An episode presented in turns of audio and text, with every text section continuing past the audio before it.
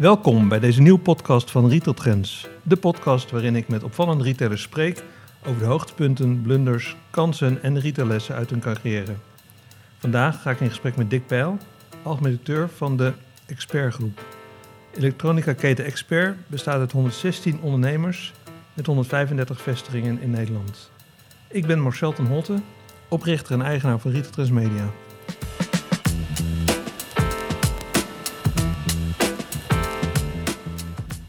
Dick, dankjewel voor dit ontvangst op uh, jullie hoofdkantoor in Nijkerk. Alsjeblieft. Er is een mooi historisch busje hier al voor staan. Ja. Een uh, oud expertbusje. Een echte Volkswagen T2 uit uh, 1964 uh, in de oranje expertkleuren. En wat ga je daarmee doen? Nou, wij hebben elk jaar een, wat wij noemen een mini-IFA, een leveranciersbeurs mm. die naar de IFA komt. En vanwege corona willen we dat niet doen. We nee. willen absoluut geen enkel risico nemen. Dus de, de dames en mijn commerciële rechterhand, ja. uh, Danielle, kwam met het uh, idee... als we nou zo'n oud busje nemen, oude historie nog... Ja, ja. dan gaan we zelf naar de leveranciers toe. We gaan zelf naar wat dealers toe. Yes. En we maken er een show van. En jij achter het stuur? Uh, oh, ik, twee of drie keer moet ik mee achter het stuur. Oké, okay, ja. leuk. Dus, hey, even terug naar het hele begin. Ehm, jij hebt een ja, ICT-achtige opleiding gedaan... en je bent begonnen in de ICT bij Capgemini en daarna... Wild en Feyenoord. Dus ja. Heel iets anders dan retail. Ja, ja. in de scheepsbouw, dok- ja. en scheepswerf. Fantastisch, echt Rotterdamse bedrijf. Je bent ook een Rotterdammer? Ik ben, uh, ja, ik ben een ridderkerker eigenlijk. Okay. Maar, uh, voelt, voelt, als Rotterdam? Ik ben uh, onder de Kuip geboren, ja. Heel mooi. En ja, in 1994, toen zette je echt je eerste stap in de retail. je werd commercieel directeur bij elektronica keten BCC. Van waar die stap? Dat was heel apart. Want Wilton Feyenoord ging dan uh, uiteindelijk toch failliet. Ja. De, de, mochten geen reserveonderdelen voor onderzeeboten meer aan Taiwan geleverd worden. Nee. De Nederlandse regering naar China gestopt. Wilton Feyenoord failliet. Dan heb je een IT-achtergrond en eigenlijk steek je hand op en zeg je ik ben beschikbaar. Ja. Dan kom je bij een, een klein softwarebedrijfje en dat plaats je dan bij BCC. Okay. Ik had nog nooit van BCC gehoord. Nee. Uh, Retail wel, maar dat, dat, dat bruinde goed, dat, dat audio. Ja, en audio, de oude, ja, altijd naar die Virato en ja, dat wel radio modern toen de tijd. Uh, ja, daar leefde hij voor, plaat okay. en audio. Dus dat leek me wel wat. En ik kwam daar binnen en er was net een beetje een, een wisseling. Uh, de zonen van uh, Koos Bakker waren net weg. Ja. Gabriel Martel zat daar met Peter Brussel. Ja. En ik kwam daar om het IT-project af te maken. Want Koos Bakker, dat was het oprichter, hè? Dus de, Koos, B, van, ja. de B van BCC, volgens ja. mij. Ja. ja Koos en Karel. Karel zat er nog, Koos was weg. Ja, um, ja fantastisch hoe zo'n klein hoe een familiebedrijf helemaal uit kan groeien. Hè? In de driehoek Amsterdam, Utrecht, uh, Den Haag. Ja. Echt super. En dat heb jij in totaal vijf jaar gedaan? Ja, ik ben daar gekomen. En toen eerst uh, IT opnieuw helemaal opgezet. Ja. Dus en als je de IT op moet zetten, leren is alles over kassasystemen, logistiek... Ja. Uh, alles wat je ooit meegemaakt hebt. Dat draait dan. Ja. En dan ga je door en dan ga je, ga je verder kijken met Gabriel, hoe gaan we verder? Ja. En de marketing van BCC was altijd een volle krantenpagina in de lokale bladen. Oké. Okay. Hij zei, ja, maar is het, werkt dat nu? En dat was heel leuk. Ja, ja, werkt dat nu? Ja, dat doen we al lang. Ja. En misschien moet het anders. Ja. En toen hebben we een stoelbordposter gemaakt, ik vergeet nooit meer, van Ja. een hele krantenpagina. Ja. En hadden we eentje omcirkeld en hadden we bijgezet, heeft u deze ook gezien? Ja. En, en dat werkte. En toen zijn we langzaam zo de marketing wat aan gaan passen. Oké, okay, dus je had wel gevoel voor marketing. Ik als, vond het als. ICT'er. Ja, ja was, was een hele leuke combinatie. Ik heb uh, na mijn IT-opleiding ook een marketingopleiding gedaan. Maar gewoon dat, dat je ziet Ja. hoe mensen reageren Ja. op, eh, op triggers. Ja, dat is fantastisch. Dat was eh, 94 tot eh, 99 dat je dat. Dat was ook de tijd dat eh, internet een beetje opkwam. Hebben jullie daar toen al wat mee te maken gehad? Ja. Deed je daar al wat mee? Ik, eh, leuk 97 hebben we het verkocht aan Kingfisher. Ja. En toen, was, eh, wat, ja, toen ging het wat verder door. En dan ga je wat meer kijken naar internet. Het begon Ja. net. En het leuke is dat de naam bcc.nl, om die dus te nemen, dat is een directiebesluit geweest. Oké. We hebben een hele discussie gehad Of dat wel zinvol was. of dat wel zinvol was. Want dat was nog de tijd, als je bcc.nl neemt, ja, dan ben je eigenlijk een piraat. Dan ben je een, een, een Oh ja. cowboy op het internet. En dat wilden we niet zijn. Dus misschien moesten we dan toch eh, de goedkoopste in Nederland.nl nemen of zo. Uiteindelijk een, nou ja, een stagiaire Ja. Eh, Bas, Bas is nu, eh, doet hier ook de IT, dat is leuk als extern bureau, die Oh, kom ik mooi. tegen. Die heeft zo'n een scriptje gemaakt over bcc.nl. En toen hebben we bcc.nl hebben we dus genomen. Toch? Ja, mogen mensen nu heel dankbaar voor zijn. Ja, precies. Ja. Hey, in, in, in 1999 maak je de overstap naar een collega, eh, Ja. United Retail. Ja. De naam is niet zo heel bekend eh, in Nederland. Het is een, een holding van een aantal zelfstandige ondernemers. Ja, United Retail is een eh, samenvoeging van het oude Amco en Euronics. Die zijn samengegaan. Euronics, dat is echt een Europese Ja. zelfstandige elektronica toch? ontstaan in Nederland en België samen. Dus Ja. Marcel en Hans hebben dat uitgebouwd. Marcel Vloermans. Marcel Vloemans en Hans Karpel samen. Ja. Hebben Euronics gewoon groot gemaakt. Eh, eh, gewoon leuk hoe ze in een, in een autootje Europa doorgegaan zijn, groot gemaakt hebben. Ja. Eh samengegaan met Amco, dus de nummer 1 en nummer 3. Ja. En onder de naam United Retail met een aantal formules. Ja. En een van de formules was dan Electroworld. Eh, dan hadden we Ramco, ja, de samenvoeging, en drie specialisten. Een hoop, hoop namen, hoop namen. Ja, eh, voor Heel mij was dat echt fantastisch. Want je komt daar, weinig marketing, vijf formules. Ja. En dan moet je de marketing opzetten voor vijf verschillende formules. Ja. En het mooie is dat je een plaatsje hebt in Brabant, ik ben de naam even kwijt. Er zaten in één winkelstraat drie winkels van dezelfde, van United. Dus twee specialisten Ja. en een Electroworld. Ja, ga dan maar met je marketing beginnen. Ja. Ja. En dan april, altijd het eh, stofzuigerseizoen. Ja, welke stofzuigers, welke aanbindingen zet je waar? Wat ga je doen? Is april het stofzuigerseizoen? Ja, zeker in die periode. Tijden zijn een beetje veranderd, ja, maar ja. De, de, de voorjaarsschoonmaak. de voorjaarsschoonmaak. Maar ik weet nog goed dat er, en had je de witgoedspecialist en Ja. eh Electroworld en Ramco. En dan moet je een drie stofzuiger specials maken eigenlijk. In één winkelstraat. Maar die komen in één winkelstraat. Dus Ja. ja, je kan niet dubleren. Je kan, Oh. en dat was best wel leuk. Ja. En daar leer je wel veel met marketing omgaan, met ja, meer formules onder één. Onder één Want jullie dak. hielden wel die formules gescheiden dan? Ja, we hielden ze Ja. gescheiden. Oké. En, en dat was ook de tijd eh, dat nou, de economie eh, groeide. Internetbubbel was bloes, werd steeds groter en ontploft uiteindelijk. Ja, en dan de euro, hè, de gulden naar de euro. uit- ja. Dus je hebt daar veel meegemaakt. Maar en, en hoe ontwikkelde United Retail zich in die tijd? We begonnen met, eh, nou, op zich heel goed. Eh, we groeiden langzaam. Ik heb Ja. daar, eh, dat was mooi aan Marcel. Marcel die gaf me echt de volle ruimte. En je bouwde de marketing uit en begonnen te groeien. Met Marcel Vloermans, dat was de algemeen directeur. Dat was de algemeen directeur, ja. Mr. United Retail. eigenlijk. Dat was echt Mr. United Retail, Ja. ja. Daar heb ik echt, wat dat betreft, ongelooflijk veel van geleerd. Ja. Daar zijn we in, in doorgegaan. En dat was echt het mooie aan Marcel. En, en dat was ook wat ik nodig had. Die zei gewoon, nou, als jij dat vindt, dan doe je dat toch. En ehm zeiden, ja, we hebben ook nog geld van Euronics International. eh, dan gebruiken we dat daarvoor. Ja, dat, was, dat was eigenlijk een fantastische periode. En dan krijg je heel veel vertrouwen, maar ook heel veel verantwoordelijkheid.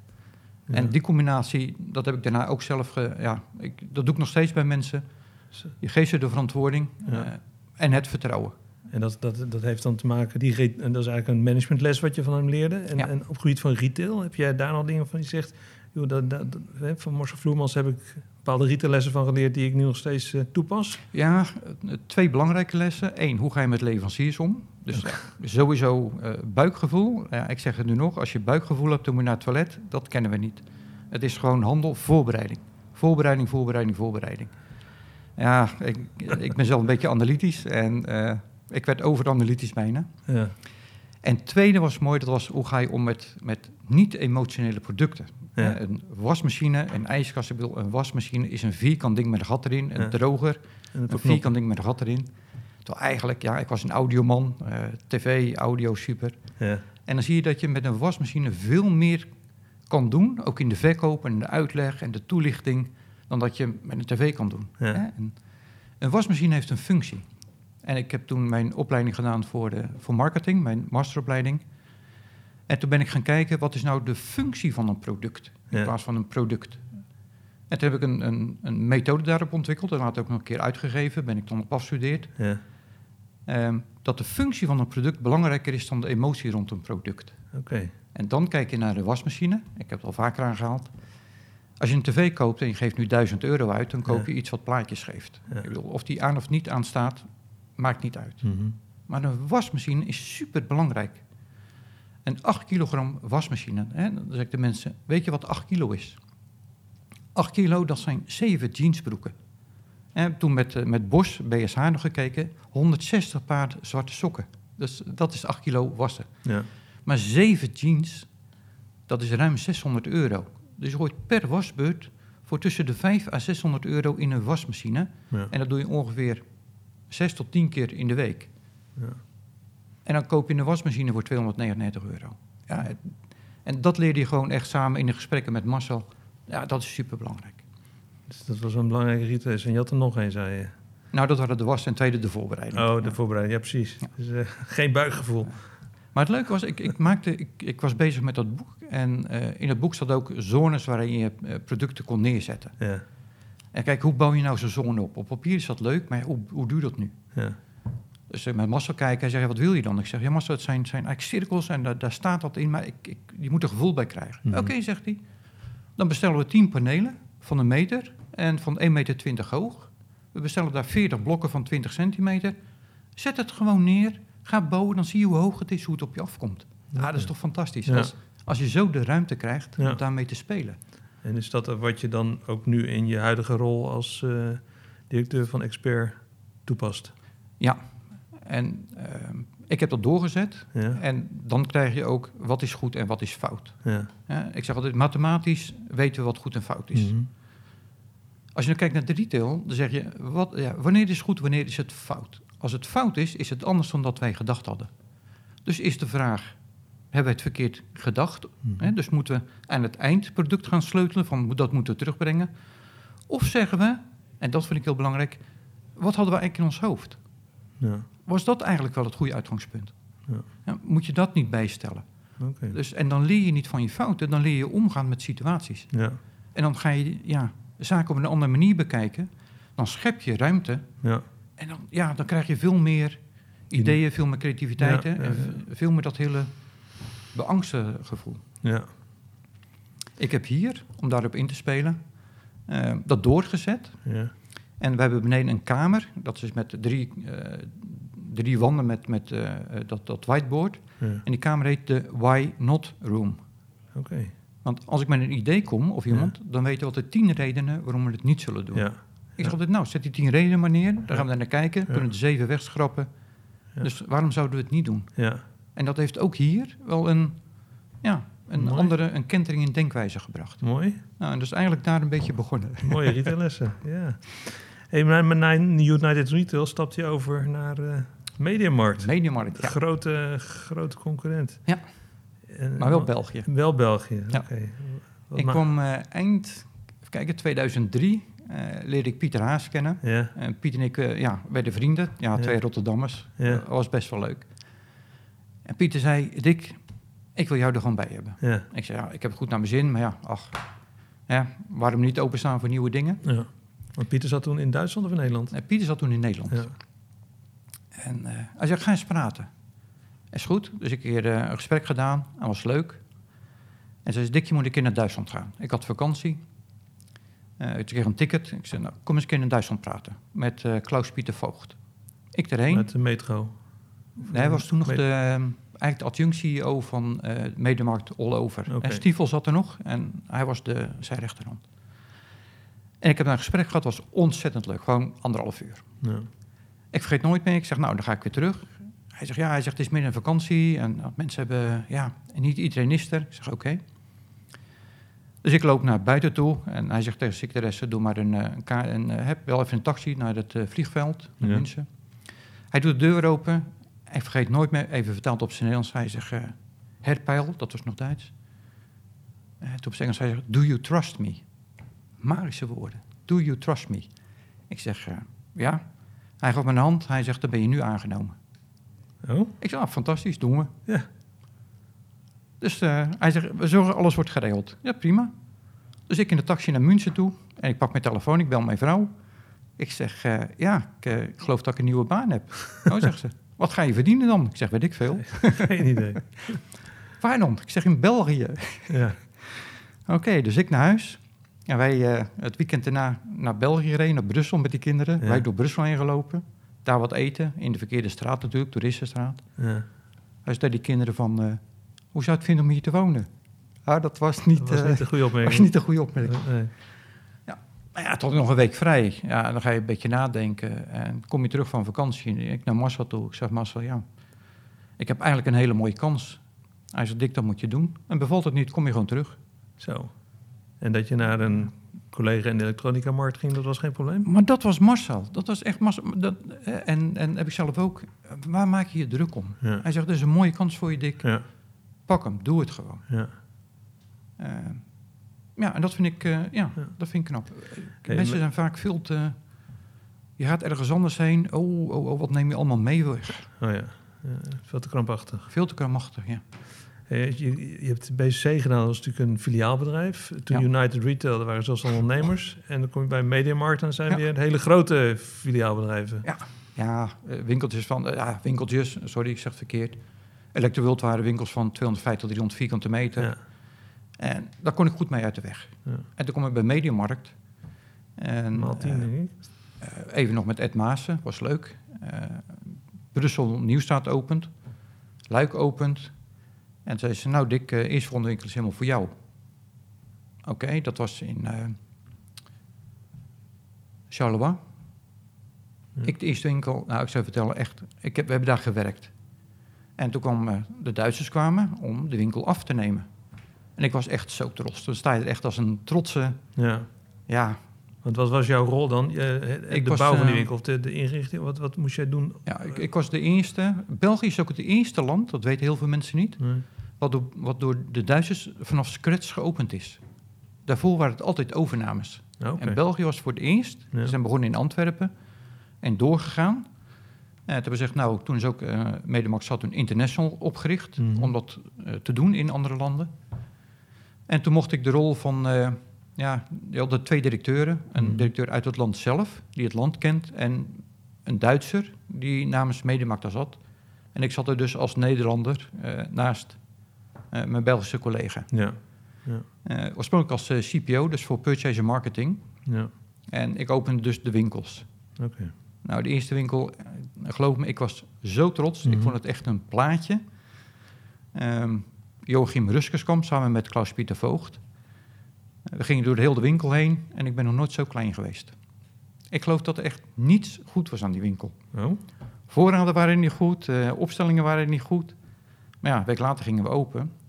Oké, ik denk dat gebeurt maar geen tweede keer. maar was, was conform de Duitse richtlijnen of eh, Ja, maar het was ook even... om herkende je- het ook? Eh, achteraf was het een goede les om je gewoon even met twee voeten op aarde te zetten. Om je met alles te confronteren Ja. van dit, dit, dit is Mediamarkt. Ja. Een maand later had ik op één dag twee openingen. Ja. Mons en Sint-Pietersleeuw. Nou, ik heb ook gezegd, dit gebeurt me nooit meer. Daarna hebben we echt, echt waar alle winkels echt uitgerold als een machine. Ja. En dan kwamen ze langs. Denk ik, nou, je vindt hier echt niks meer. Nee, En er waren twee dingen. A, de winkels waren echt volgens concept. En het concept zat echt goed in elkaar. ja. En ze, ze wilden altijd, hè, vanuit Duitsland, minimaal vijf innovaties hebben in een nieuwe winkel. ja. Dus elke nieuwe winkel had je de ruimte om nieuwe dingen te proberen. Maar ook de druk om het te moeten doen. Je moest ook uitleggen waarom je het gedaan hebt. Ja. Ik weet nog, we zaten in Gent-Oostakker. Iets meer dan 3000 vierkante meter. Ehm, A, we, gingen, we waren al van 1,20 meter naar 1,40 gegaan. Toen moesten we 1,80 proberen. En ik had dat geleerd met mijn eigen spul bij United. 1,80, Mhm. dat is niet te doen. Dan moet je je gangpad breder maken. Ja. Dus hele discussie, ah, 1,80 moet gangpad breder. Toen hebben we één wand gedaan, 1,80. Heel snel weer terug naar 1,60. Maar het mooie was, hoe loop je nou door zo'n winkel, door zo'n mediamarkt? Dus toen heb ik een guiding systeem gemaakt. En daar kreeg je echt alle ruimte voor. Mooi.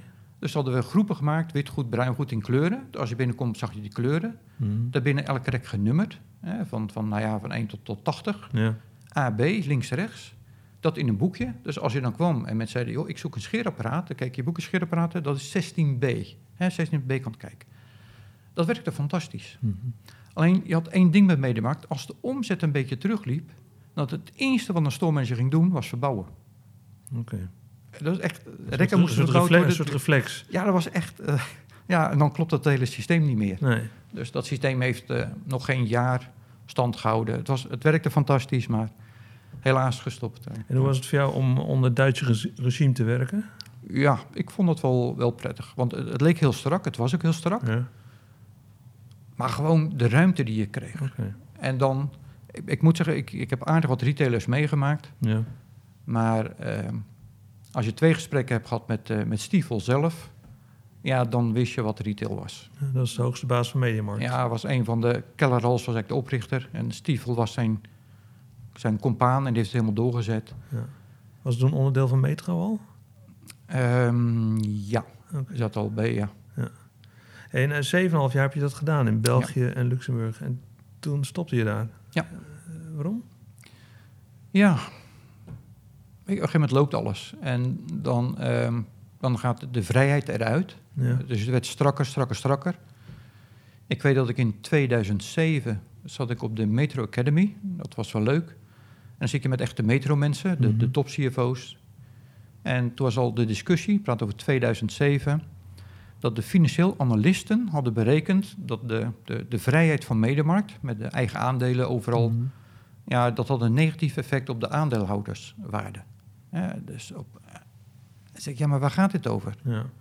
En toen begon je te merken dat de rol van de financiële analisten belangrijker werd dan van de commercie. En dat vond ik best wel jammer. En dan kom je, als je dan zegt hoe valt het onder Mhm. Duitsers, dan denk je een Duits keurslijf. Ja. En dan ga je steeds meer naar zo'n keurslijf toe, waarbij je eigenlijk dat ondernemerschap zoekt. Ja. Dat had ik wel geleerd bij United. Met ondernemers, dat ondernemerschap Mhm. super belangrijk. En dat was weg. ja. Want dat was ook, je hebt het steeds over Mediamarkt, maar Saturn zat daar ook bij. Ja, Eigenlijk vergelijkbaar, alleen een andere kleur. Ik, ik, ik, ik moet zeggen, gelukkig, maar ik, ik vond dat... eh, ik heb de eerste Saturn geopend op de Mer, Ja. eh, in de stadfeestzaal. Eh, een huur die, die door het dak ging. Je mocht echt helemaal niks in de stadfeestzaal. En toen... ik wilde geen Saturn openen. Ik, ik, vond dat, ik vond dat voor een land als België niet zinvol. Want wat is nou eigenlijk het concrete verschil dan? Bedoel, Het was hoger gepositioneerd. En eigenlijk zo, als een medemarkt heb je een marktaandeel van 30, 40 procent. Ja. En je komt eigenlijk niet verder. Zet je Saturn ernaast, Ja. dan gaat medemarkt 10% naar beneden. En Saturn gaat dan, stijgt ook naar 25%. Ja, Zodat de bundeling is groter. Dat was de gedachte. een ander assortiment dan. Duurder. Ja. Hetzelfde assortiment, maar dan duur. Ja, het, het, het, ehm, het ging hoger in prijs. Daar we medemarkt stopten, ging Saturn verder. Oké. En de layout was anders. Hè? Dus medemarkt was gewoon echt ehm, ja, een beetje het koolruit van België. Gewoon, we besteden geen geld aan de layout. Nee. Het, hè, de producten moeten goedkoop zijn. Ja, ja, ja. En Saturn was wat duurder. Ja. Dus ik naar Duitsland toe. Ik zeg, ja, ik, ik, ik geloof niet in Saturn voor België. Ja, waarom niet? Ja, we hebben net hard gewerkt om Medemarkt weer vanuit eh, goed eh, te laten draaien. Het was Mhm. winstgevend, het draaide goed. Het is zo zonde dat je iets wat draait, het heeft geen toegevoegde waarde. Nee. En eh, dat kon je ook gewoon, daar kon je mee komen. Oké. En zei ze, nou ja, we doen het toch. Oké. Maar, zei ze, wat we dan doen, er staat een medemarkt gepland naast de IKEA in Antwerpen. Ja. Daar maken we er ook een Saturn van. Toen heb ik daar een Saturn geopend van 7200 vierkante meter. De ene grootste Saturn in Europa toen de tijd. Ja, ja. Nou, als je wat leert over winkelinrichting A, dat heb ik daar sowieso geleerd. Hè? Ja. Dus elke, elke vierkante meter moest geld opleveren. Maar om meer dan 7000 vierkante meter rendabel in te vullen, heel dat was wel apart. eh, Ja. ja. Maar dan de twee Saturns. Nou, daar hebben later nog meer geopend. En uiteindelijk is toch binnen Europa gebleken dat, ja, dat voor één keten meer ruimte was dan Ja. voor twee. Ja, ja, ja, ja. Dus- en na 7,5 jaar stap je eruit. En ga je eventjes eh, intrimmen, voor jezelf dingen doen. En dan eh, kom je al heel snel bij expert terecht. Ja, eigenlijk had ik me voorgenomen om mijn, eh, mijn, mijn zichtveld te verbreden en een keer uit de elektronica te gaan. Ja.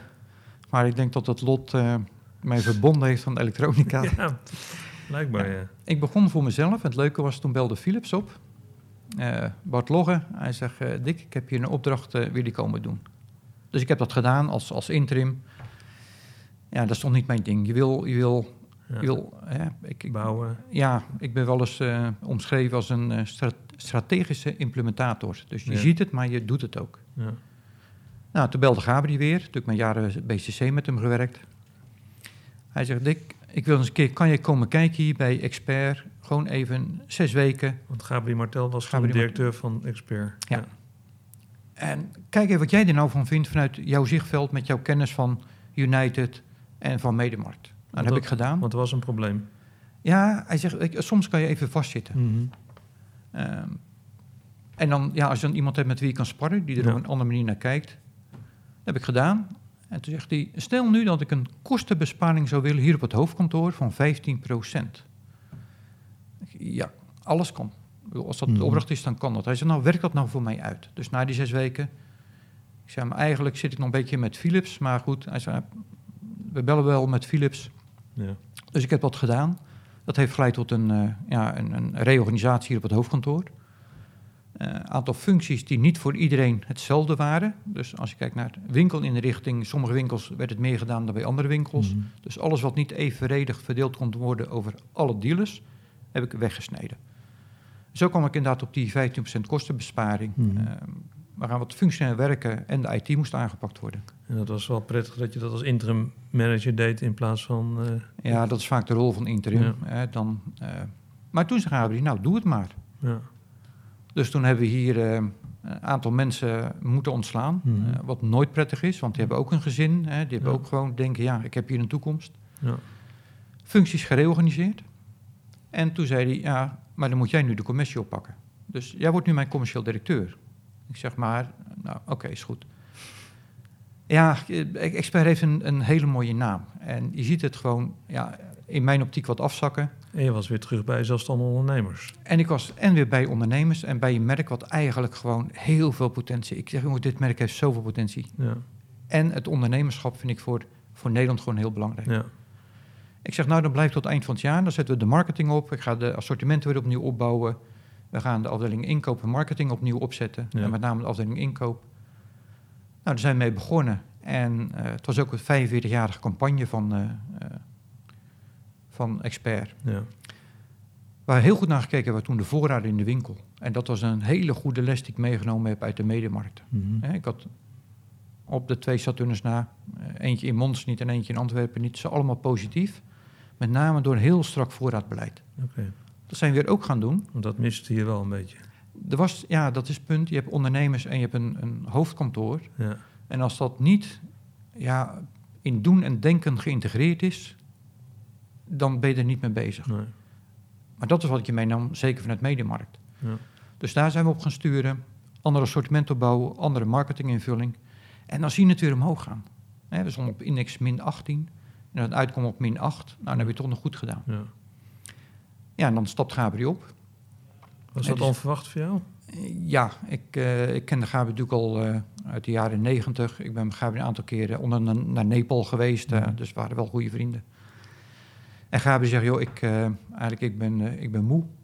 Ik wil gewoon andere dingen gaan doen. Ja. Ja. Ehm, nou, toen vroeg het bestuur, een beetje december, nou eh, gaat weg. Bestuur vroeg, eh Dick Bestuur van, de, bestuur van de ondernemers eigenlijk. Ja. Ja. Wij hebben een beetje, wat je ook bij, bij Primere hoorde, dus een aantal ondernemers vormen het bestuur. Ja. En we hebben een raad van commissaris, Ja. maar die was er toen niet. Die was weg. Ik sta is goed. Eh, afgesproken voor een jaar. Een nieuwe raad van commissaris gekregen met eh, Jan Kessels. Ja. En met Jan samen, dat was, was gewoon leuk. Ik heb nog steeds goed contact met Jan. Ja. Ehm, en toen zijn we weer gaan bouwen. En ja, dat jaar dat is eh, eigenlijk doorgegaan. Ehm, uit een moeilijke periode gekomen. 2014 eerst alles op orde gebracht, teruggekomen. Mhm. Toen gezegd, als we willen groeien, dan moet de IT volledig aangepakt worden. Eh, de contracten liepen af Ja. voor de systemen. We hadden nog negen maanden. Toen hebben we in negen maanden de volledige IT echt alles opnieuw gemaakt. Ook kassasystemen geïmplementeerd, alles geconverteerd, back-office gemaakt. Ja, Dan had je weer voordeel van je ICT-achtergrond. ja, ja, absoluut. Ja, maar dat was wel... eh, ik heb wel eens gezegd, je kan een kindje maken in negen maanden, maar dit soort systemen in negen maanden. Het mooie weet ik nog dat iemand zei, Dick, een kindje maken, dat kan een vrouw in negen maanden. Maar negen vrouwen kunnen niet een kindje maken in één maand. Ik zeg, dat klopt, maar toch, sommige dingen moeten best wel kunnen. Ja. Het voor elkaar gekregen, draaiden. En dan zie je eh, toch, dat was mijn eerste leuke eh, samenwerking met, met die ondernemers. Ja. Het vertrouwen wat ze dan in je hebben, maar ook Ja. de flexibiliteit. We draaiden met de nieuwe systemen. We hadden kerst, het kerstweekend en de dinsdag ervoor vallen alle systemen plat. Er was een stroomstoring in het, eh, in het, eh, in, in het centrum, dus Ja. de kassa's werkten niet meer. En mensen zijn gewoon doorgewerkt. Hè, dat die middag met bonnen, met oude systeem Mhm. werd opgestart. Eh, dan draaide het alles weer. En dan zie je de veerkracht. En, en dat vind ik zo mooi aan, aan, aan dit bedrijf. Die is voortdurend teruggekomen. Mensen Ja. zeggen, oké, was even niet, nou, maar gaan door. Terwijl Ja. toch een van de drukste dienstdagen van het jaar was. Ja. Ja, en, en dan denk je toch, ja, ik, eh, ik zit hier bij de goede club. Ja. Yes. ja, want het vertrouwen winnen van die ondernemers, dat is natuurlijk. want Het was jaren dat het echt, echt veel minder ging. Ja. En- maar zij zagen ook wel dat, het, dat de stappen die jij zette, die, Het werkte, dat het loonde, ja. dat werkt ook. En dan kom je in 2015, dan draait die IT. En ja, eh, dan zeg ik natuurlijk, eh, ja, ook, ook, ook met Jan samen, Jan Kessel, we Ja. moeten wel een, een, hè, ook met bestuur een stip op de horizon hebben. Ja. Dat is een mooie stoel. Ja. Een stip op de horizon. Ik zal, als je een stip op de horizon wil, dan moet je een plakker op je raam zetten. Maar wat is een stip op de horizon? Het is een hele flexibele markt. Ik heb toen een, een, wat we noemen zo netjes een mission statement gemaakt. Ja. En dat was gewoon heel simpel. Ik wil dat in 2020 elke expertwinkel verkoopbaar is. En dat is een heel makkelijk statement. Hoe bedoel je verkoopbaar? Ja. Gewoon, zoals ik het zeg, gewoon verkopen. Dat, hè, ik, als er nu een McDonald's op, Ja. op de hoek staat en zegt, joh, ik, hij staat te koop. Oh, ja, ja. Dan zeggen 100 mensen, die wil ik wel hebben. ja. Dus ik wilde het zover krijgen dat in, als in 2020, en dat heb ik in 2016 dus neergezet, vier jaar geleden. iemand zegt, joh, ik wil mijn expertwinkel verkopen, dat er voldoende animo voor is. Oké. Het leuke was dat er natuurlijk ook dealers waren die zeiden, maar ik wil mijn winkel niet verkopen. Nee, ik zeg, maar daar gaat, het niet om.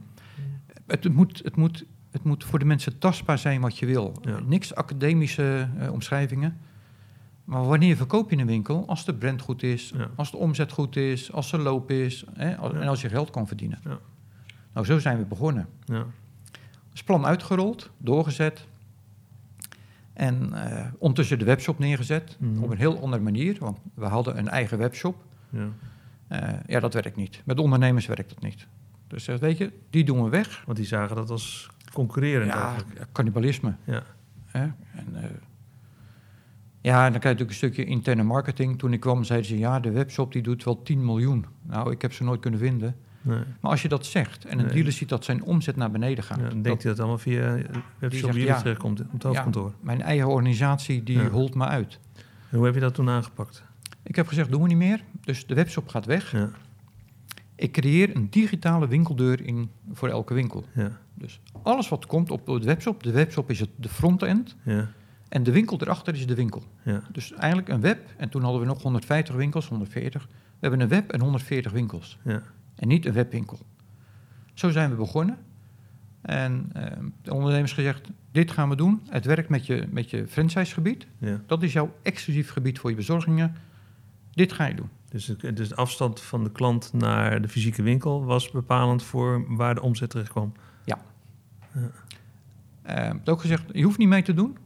Eh, als je niet meedoet, is, is het, het gebied vrij voor andere dealers. Want je had uiteindelijk, doordat je dit ging doen, waren er zo'n 30 ondernemers, 30 winkels die afhaakten. Nee, we hadden al afscheid genomen van een aantal winkels die eigenlijk al technisch failliet waren. Dus de, de winkelbase die we toen hadden, Ja. en ik praat over 2016, hadden we al 135 winkels. Ja. Het waren wel teruggegaan. Oké. En die mensen zeiden, nou ja, is goed. Ja. Ehm dat hebben alle systemen aangepast, orders naar de winkel toe. Mhm. En toen moesten we de proces in de winkel gaan veranderen.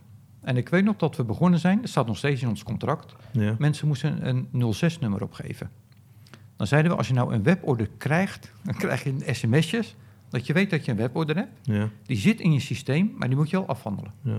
Want de regel is wel dat je binnen twee uur die order oppakt. Ja. Ja, maar ja, we hadden toen een paar duizend orders per jaar, dus dat kon. Ondertussen kan dat niet meer. Maar het leuke is dat als we nu een dealer een contract tekent, dat nog steeds dat is een 06-nummer op moet geven, waar we niks meer mee doen. Maar Nee, dat, zit er, dat komt nog uit die En tijd. zij, zij krijgen die order dan? Ehm, Ze krijgen de af- volledige order. En, Als, en- alsof jij naar binnen komt, de winkel ingaat en Ja. zegt: Ik wil die tv, hier heb je geld, ik wil die tv hebben. en moeten de klanten dat dan in die winkel ophalen of wordt het bezorgd? Alles wordt bezorgd. Ja. Je kan Door- kiezen voor afhalen, uiteraard, je kan kiezen Mhm. voor afhalen. Maar alles, de winkel handelt alles af. En zit je dan, kijk, als iemand wat bestelt en eh, die valt in verzorgingsgebied A, maar net die winkel heeft dat niet op voorraad, hoe gaat dat dan? Ja, dan kom je echt in de, in de, de franchise-problematiek die we hebben met dit model. Ja. Ehm, ik heb wel eens gezegd, er zijn heel veel boeken over omnichannel en multichannel. Mhm. Maar omnichannel voor dummies, dat boek is er niet. Dus toen wij begonnen, liepen we tegen dit soort dingen aan. Ja. Maar regels zijn regels. En dan zeg je nou, hier houden we aan vast. Dus winkel A heeft hem niet, winkel B heeft hem wel. Ja. Dan we tegen de klant, als je bezorgd wil worden, dan kan dat, duurt een dag langer. En toen zijn we winkels gaan koppelen onderling. Zo jongens, als we samen willen groeien, moeten we het ook samen doen. Ja. Dus je hebt, de, je hebt de opdracht gekregen, het is jouw contractgebied, je kan nu twee dingen doen. Je kan die andere winkel bellen en vragen of hij dat product bij jou wil brengen, of je gaat het halen. Ja. Of je kan de order overdragen naar die winkel. Ja. Eh, in het begin ging dat handmatig, dat hebben we later geautomatiseerd. Ehm, daarna zijn we distributeurs gaan koppelen.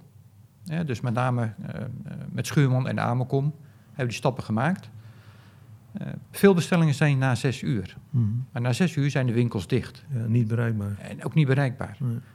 Om acht uur zijn de meeste internetorders. Ja. Dus als iemand om acht uur wat bestelt, dan hadden we een probleem, want de winkel was er niet. Ja, op de site stond alleen het nummer van het hoofdkantoor. Ja, Ja. Ook niet handig. Dus dan hebben we de distributeurs gekoppeld dat als jij iets bestelt en het is niet in de winkel, maar wel bij de distributeur, Ja. dan tegen de klant: morgen wordt het geleverd. Ja. Dan werd automatisch een order ingebracht bij de distributeur. En van let op, dit is een weborder. Het werd daar geprocessed en s ochtends werd het bezorgd bij de dealer. Ja. Dus de dealer komt dan s ochtends op, eh, op de zaak, die ziet ik heb een weborder. En dadelijk komt het product binnen wat ik niet had, maar wat de klant wilde hebben. Ja. En zo zijn we stap voor stap steeds verder gegaan. ja. Ehm, Mooi.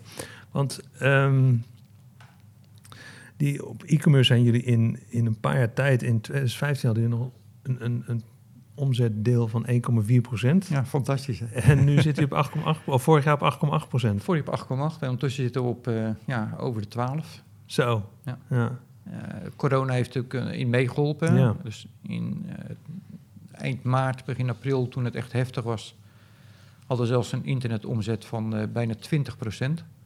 Enorm. Zijn jullie winkels ook dicht geweest? Of zijn ze Nee, Gelukkig gebleven? niet. Nee, als we ergens, en dan moet ik ook zeggen, samen met de concurrentie, en dan Ja. kan het dus wel, Ja. en met Techniek Nederland, eh, ook met Detailhandel Nederland, hebben we echt Ja. er wel voor gezorgd dat de winkels open konden blijven. Mhm. En daar hebben we ook alles voor gedaan. We hebben heel veel maatregelen getroffen. Wij ook. We hebben heel snel al eh, allerlei dingen in de winkel neergezet. eh hesjes, Ja. let op, hou afstand. Dat was wel dat was ongelooflijk belangrijk dat de winkels open konden En blijven. had je Ja. problemen met eh, bevoorrading vanuit China? Want dat Ja. ging natuurlijk ook eh Maar, dat trager. begon, maar dat begon al eh, eigenlijk december, januari. Toen merkte je het al. Toen zeiden we van, jongens, we krijgen een tekort aan televisies. Februari werd dat erger, Ja. maar toen dachten we nog dat de EK eraan kwam. En we hadden een, een vrij zware EK-campagne opgezet. Met tv's. En toen dachten we, ja, hoe gaan we dat doen? Toen zijn we eind februari eh, met een aantal leveranciers afgesproken. eh, en ook met, eh met distributeur. Ja. En gezegd, allokeer dit. Dus we hebben eigenlijk geen eigen magazijn. we hebben ook de regel dat we geen voorraden aanleggen van onszelf. Nee. En toen hebben we voor een, net wel voor een paar miljoen aan tv's geallockeerd. In samenspraak met en de leverancier en de distributeur. Ja. Ehm, en dat heeft ons wel doorheen getrokken. Oké. Ja. Ja. Want ehm, als je nu kijkt naar, je hebt een enorme stijging online gehad. Verwacht jij nu na, na deze coronacrisis dat dat blijft? Of denk je dat het weer terug gaat naar het oude niveau? Maar wij hebben zelf onze, onze doelstellingen. Ja. Eh, 12,5, tussen de 12 en 15 procent is, eh, is goed voor ons. Ja, Ehm, daar zitten we nu ook op, daar, gaan we nu weer, daar blijven we ook op. ja, We hebben natuurlijk een hele eh, rage gehad op, eh, op, op tondeuses, eh, Mhm. broodbakmachines, thermometers. Ja, eh, ja, ja, en vooral online. Nou. Die handel die gaat weer, die komt weer gewoon terug naar de normale proporties.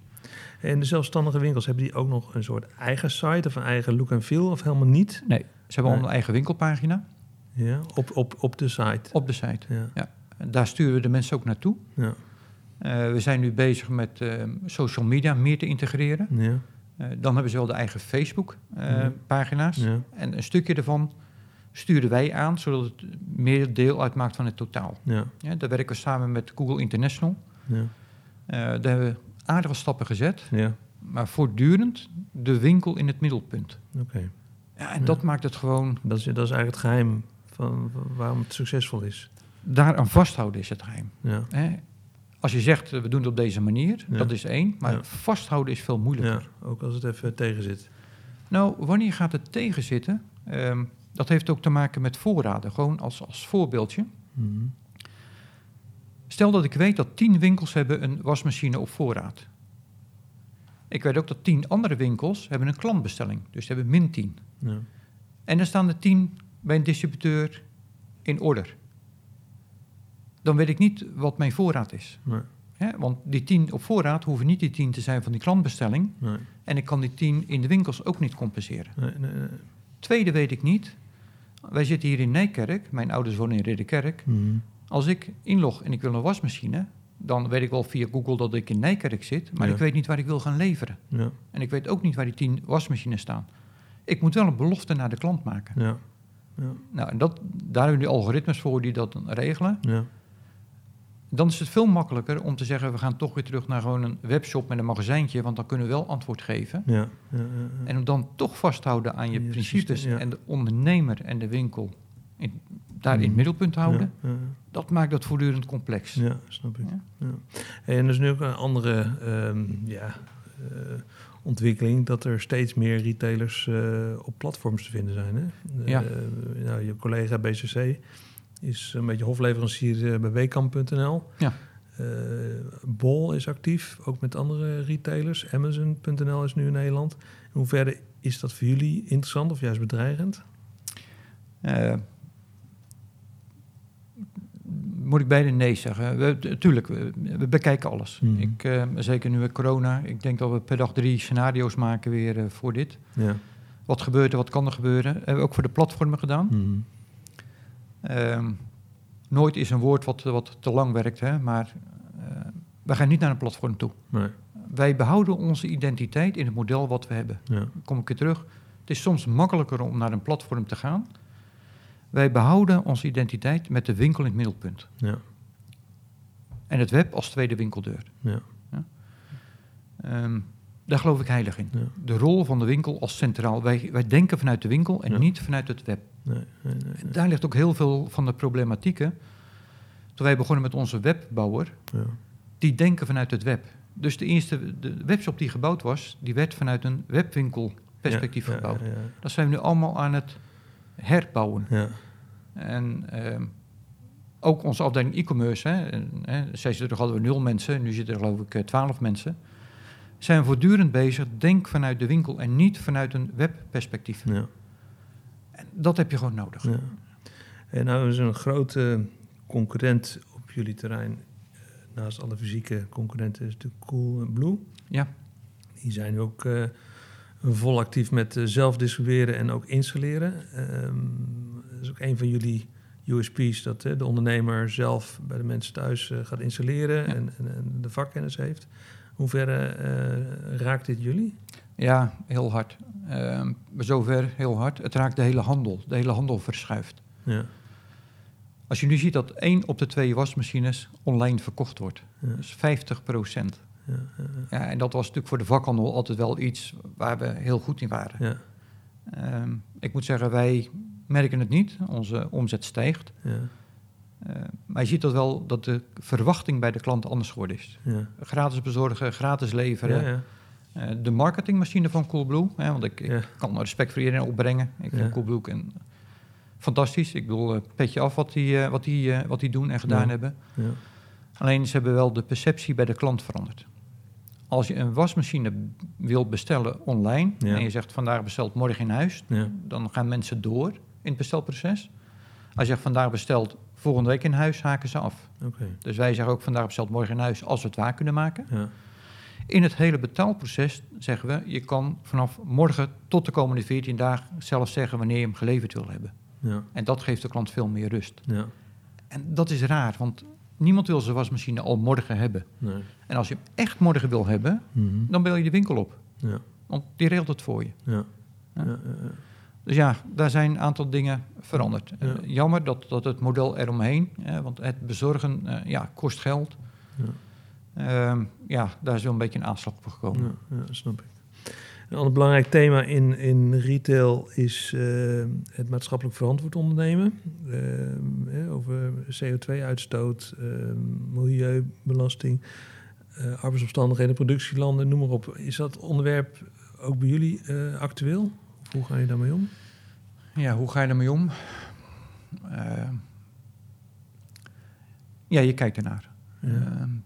Je bent ermee bezig, maar eh, we zijn nog niet, niet Je hebt te veel andere dingen in je hoofd. ja... Het is niet zo dat wij kijken waar worden wasmachines gemaakt en eh, door wie wordt dat gedaan. Nee.